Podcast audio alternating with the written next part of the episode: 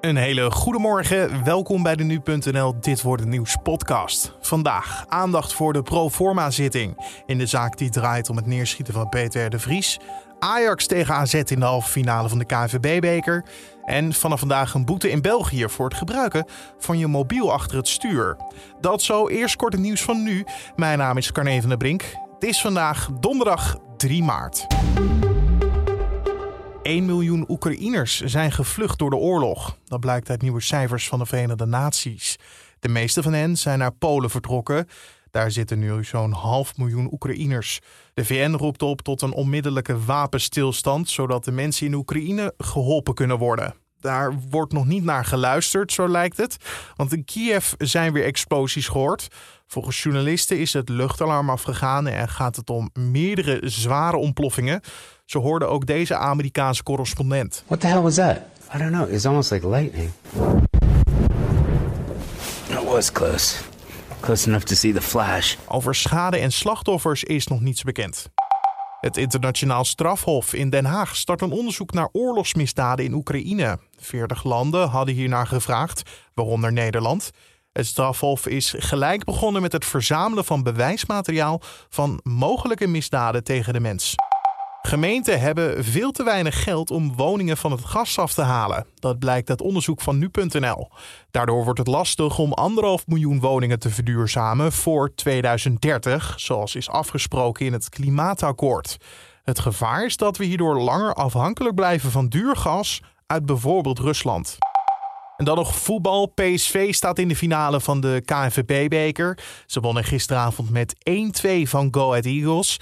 Trainer Schmid sprak na afloop niet alleen maar over de wedstrijd. Hij gaf ook zijn mening over de oorlog in Oekraïne. Yeah, it's difficult to accept that something like that can happen in, in Europe because of a crazy guy in, in Russia. We have to stay uh, positive. We have to look forward and hopefully uh, he gets what he, what he deserves. Was te horen bij de NOS.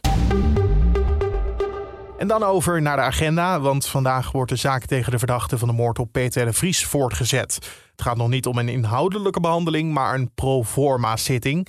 Zo wordt vandaag gesproken over de stand van het onderzoek en over eventuele onderzoekswensen van de advocaten van de verdachte. Peter R. de Vries werd op 6 juli vorig jaar neergeschoten in het centrum van Amsterdam. En negen dagen later overleed hij aan zijn verwondingen.